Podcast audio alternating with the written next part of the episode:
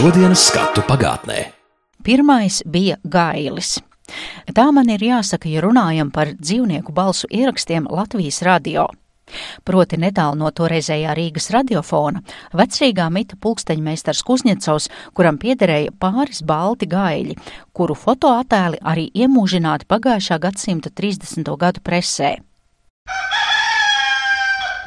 Kā varam lasīt jaunāko ziņu 1934. gada maija numurā, tad Pagājušajā gadā Rīgas radiofons sagādāja saviem klausītājiem lielu pārsteigumu ar baltu gailīšu palīdzību. Vispirms tos gailīšus dresēja pulksteņmeistars Kuzņecovs, tad viņi iedziedāja plati, un pēc tam viņu dzīves priecīgais kikerigī sāka skanēt ikrītus labrīta vietā.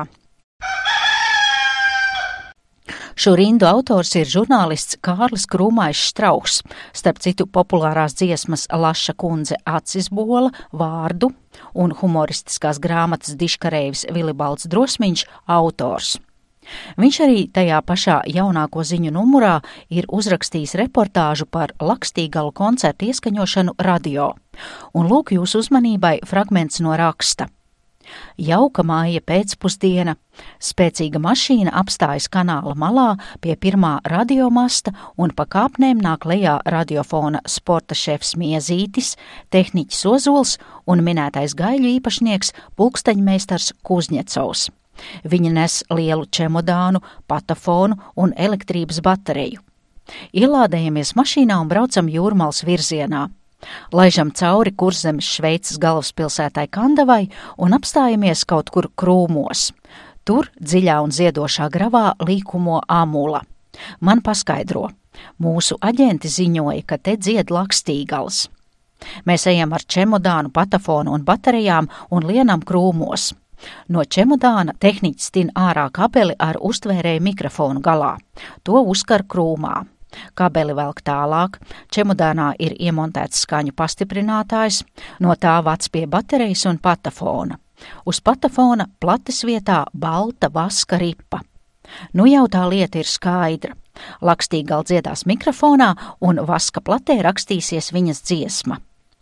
Pīpot nedrīkst, runāt tikai klusi, un tāpēc es čukstu. Bet vai tā lakstīgala tiešām nāks pie mikrofona?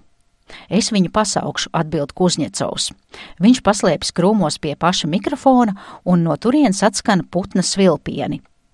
Kuzņecovs tēlo Lakstīgals jaunkundzi, kas aicina uz randiņu Lakstīgals kungu, čukst man ausī miezis. Īstais dziedātājs ir tikai Lakstīgals kungs.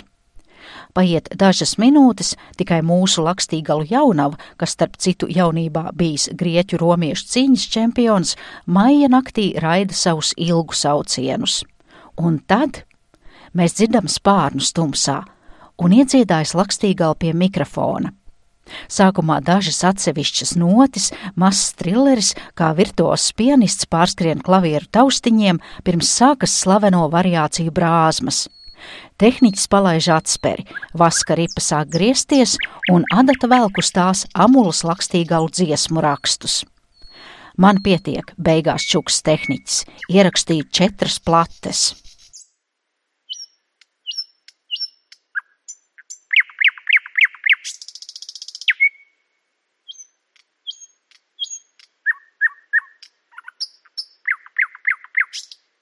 Šī nulle dzirdētā lakstīgala gan nav no tām ulmaņlaiku vaska platēm, bet pēdējo gadu ieraksts, ko veicis šobrīd profesionālākais putnu balsu ierakstītājs Latvijā - ornitologs Edmunds Račīnskis, kurš arī ir biežs viesis radioraidījumos par dabu.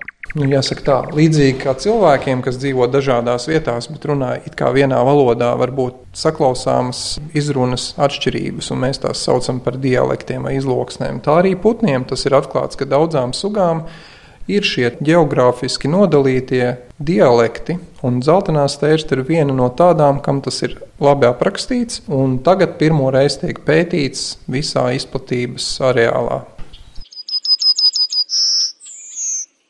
Tā tad ir tāds leju krītošs. Un te salīdzināšanai, te ir daļa no kartes, kur ir divi citi dialekti. Tā pēdējā nots ir kāpjoša.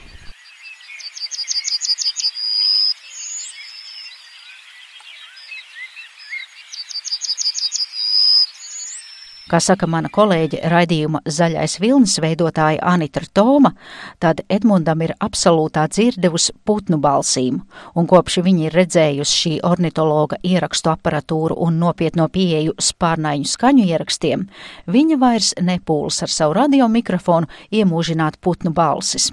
Anita tās ņem no interneta skaņu krājumiem putnu vokalīzēs ir arī atšķirības.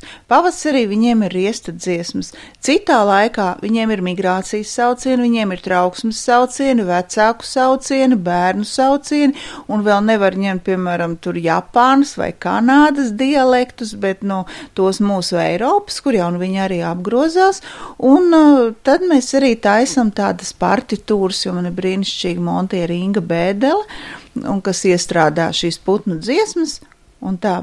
Toties viņa atklāja, kā top imitētas dzīvās dabas skaņas. Piemēram, nu pat mūsu sižets, ko mēs rakstījām kopā ar Vilnu Skuju, sākās ar to, ka pēkšņi spārnos paceļas šnepe jeb sloka, un uh, Inga samontē un man prasa, kā, un viņa jums tiešām tajā mirklī lidoja? Es saku, ai, ne, Vilnis cepuri vicināja.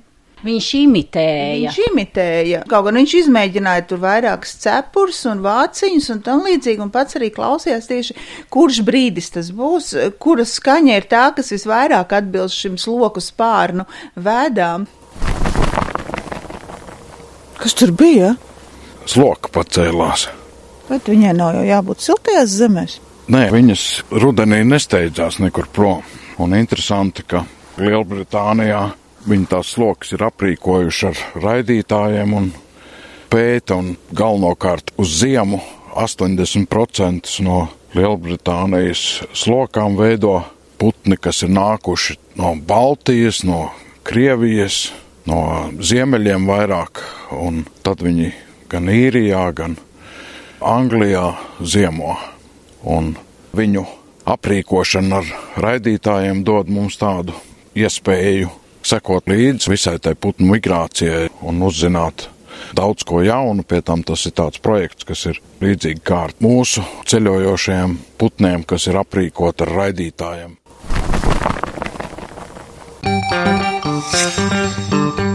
Reiz radio.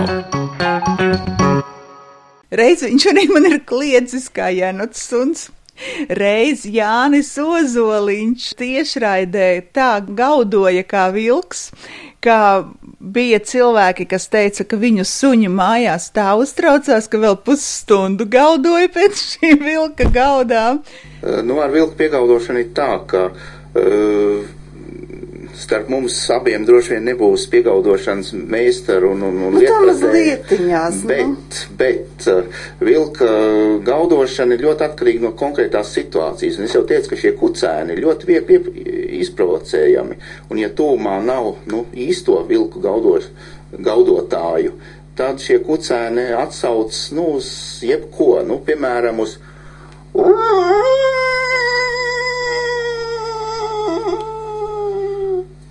Tā kā piedzīvojumi ir dažādi, bet laikam tas viskošākais ir tas, ka, nu, liekas šeit, nu, nu kā man tā sloka celsies tajā brīdī spārnos, kad man ievajagās. Bet reiz es jau šo stāstu, nu, tā ir klasika, es to esmu stāstījusi 78 reizes, tagad 79. To nolēmu uz Jāņiem ierakstīt raidījumu, cik skaisti, ka zvēri arī peldās jūrā. Un mēs esam aizgājuši uz jūras krastu, riet saule, un es rakstu viļņu šļakatas. Nu, tas tāds samērā viegls žanrs, jo viļņi nekur nebēg.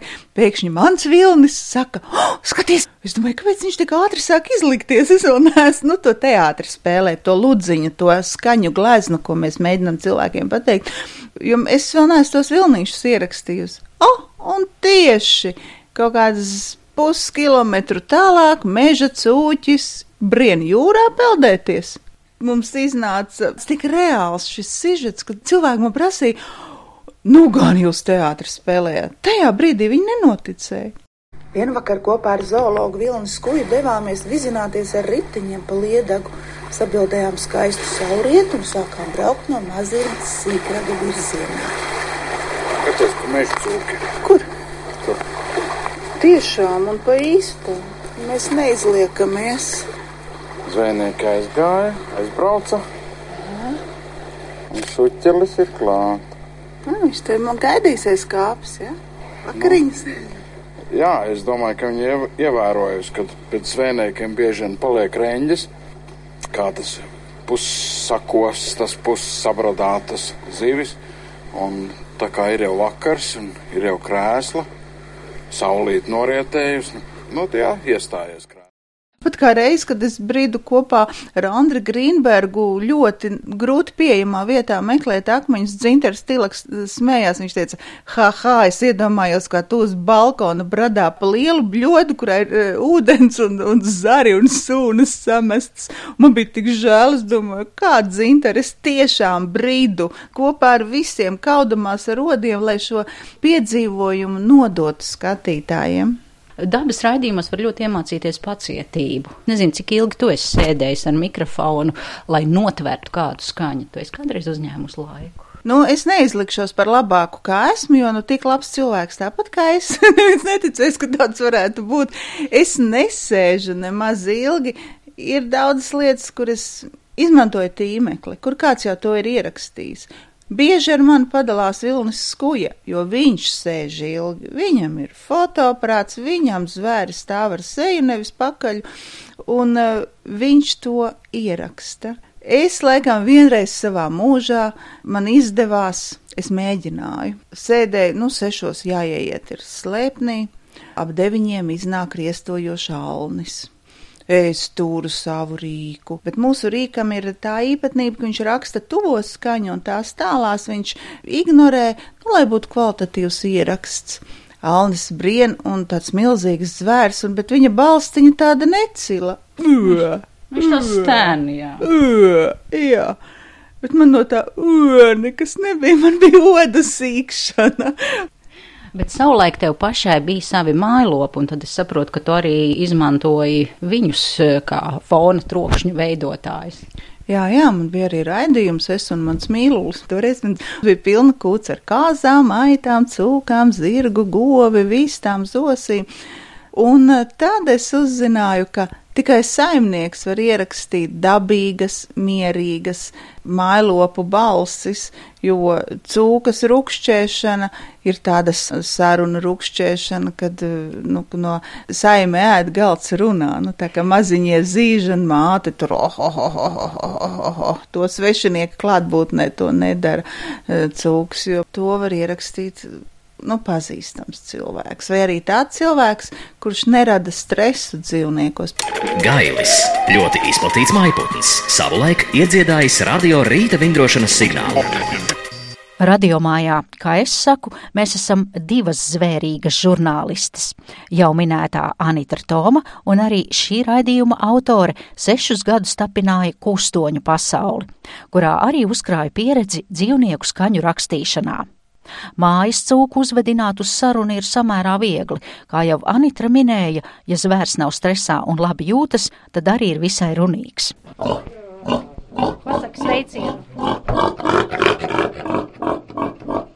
Tas ir sveiciens no robežnieku pagastā. Pagad, tu gribi vēl kaut ko pateikt mikrofonā? Tev ir savs viedoklis par radio raidījumiem. Tev patīk raidījumi par dzīvniekiem? Brīvais mikrofons, jā. Vai arī kāzas. Gudri, zinkārīgi radījumi, kas labprāt izsakās pie mikrofona un pamēģina arī iepazīties ar scenāriju žurnālists rokās un viņas džemperi. Kā tas reiz notika zemnieku saimniecībā bērzi. Čirni citreiz Eju, atdod! Es ar visiem vadiem būs. ar visiem vadiem, jā, Kaza mēģināja apēst scenāriju, tagad viņa mēģina apēst ierakstu aparātu. Jā, te ir piedurkne, arī to varētu uzkost. Tā kā ir tāds eh, zinkārīgs dzīvnieks, viņai viss ir jāpamēģina caur mūti. Jā, caur muti. Tīgi. Au, tu kod! Es tūlīt tev arī šitā iekodīšu piedurknē. Pika, pika, pika, pika. Palika klusums, vokāls beidzās. Šeit ir. ā, Kas tam mums tas bija, kas dziedāja puisis? Jā, nu kas tam mums ir? Taču, izējot mežā, tā iemītniekus ir daudz grūtāk uzrunāt, jo īpaši, ja konkrētie kustoņi pēc dabas nav visai runātīgi, kā piemēram skudras. Esmu nometusies ceļos un cik vien tuvu iespējams piepāzus mikrofonu pie pūžņa, lai ierakstītu rosību, kas notiek skudru māju vietā.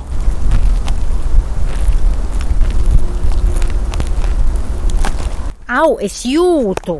Au! Nu, jā, tas ir kā Žokļi! žoks. Koži viņa man! Jā, un mikrofons arī ir uzsvars. Un smarža arī skudriskā smarža. Šķiet, viens no maniem biežāk lietotajiem vārdiem, veidojot dzīvnieku raidījumus, bija ai un au. Un, lai arī man visi kustoņi patīk un interesē, te skanisks piemērs, kā Rīgas zooloģiskajā dārzā reiz mēģināja palūgt zoodārs cilvēkiem Aļonai Mihailovai un Ingmāram Līdakam mani ievest pie dzeloņu cūkas, lai ierakstītu, kā šis zvērs nikni grabina savas adatas. Bet mēs šobrīd neesam Hildas pusdienās iekāpuši. Tā ir daļa miga, Tā ir- salmi. Tā ir mīga, tie ir salmi, kuros viņi ļoti labprāt guļ. Ingmār! Man vēl daudz ir jāaug, lai es būtu īsta zvēru žurnāliste. Pati uzprasījos, jā, pussekundi man bija tā bravūra, un tas ātri pazudais dzelzs durvī.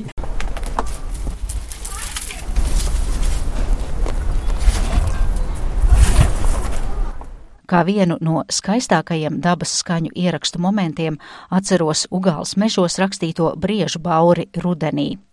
Kopā ar mežsargu Mārci Pavloviču vairākas stundas tupējām lauka malā un vērojām, kā tumstot vairākus simtus metru attālumā no mums parādās briežu kungi, lai cīnītos par briežu dāmu uzmanību.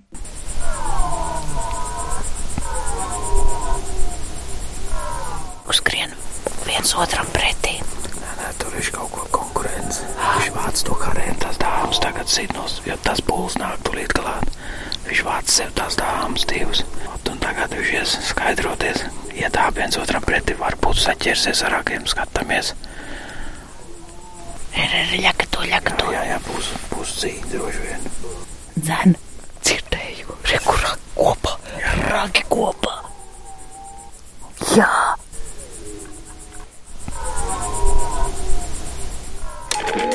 Radio - elektromagnētisko viļņu raidīšana un uztveršana. Tādas pašas jaukas atmiņas ir no citas tikšanās ar Mārci Pavloviču, kad Lietū dirnējām no vakara līdz vēlai naktī meža vidū, lai ierakstītu medņu knipelēšanu. Vakarā nekādu ierakstu nedabūju, tik nosalušas kājas un pāris stundu miega, lai četros no rīta atkal dotos uz to pašu vietu un tad beidzot tiktu aplaimota ar dažiem vārgiem putna knikšķu ierakstiem, bet sagaidītu skaistu rītu mežā un vērotu, kā daba mostas. Tas knikšķi, knik, knik, knik. Ir.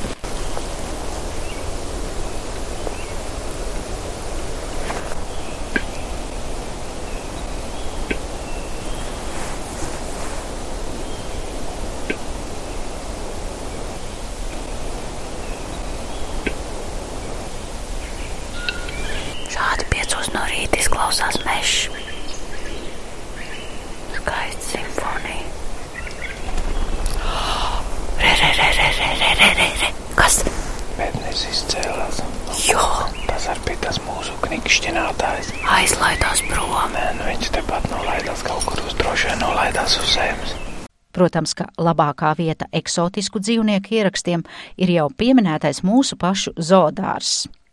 Un pateicoties tās vietas cilvēkiem, darba dēļ es tieku tur, kur apmeklētājiem parasti ir liekta ieeja.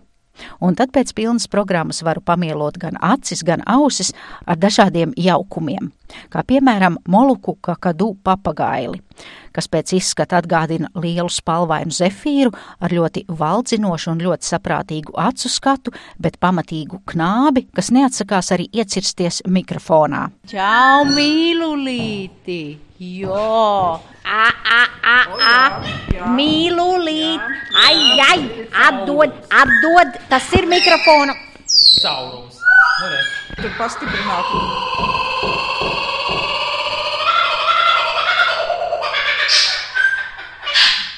Cīņu ar papagaili par mikrofona porlonu vēro turpat līdzās mītošais Austrālijas putns, kukaburra jeb smējēdzēnis, un viņa viedoklis par neveiklo saldvārdu žurnālisti ir skaļš un skaidrs.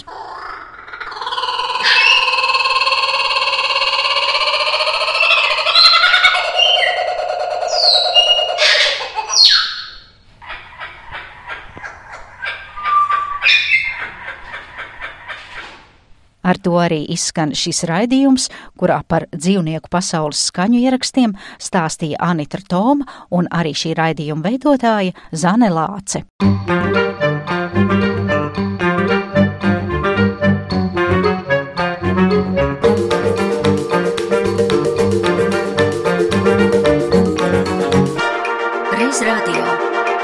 Reiz radio ar šodienas skatu pagātnē.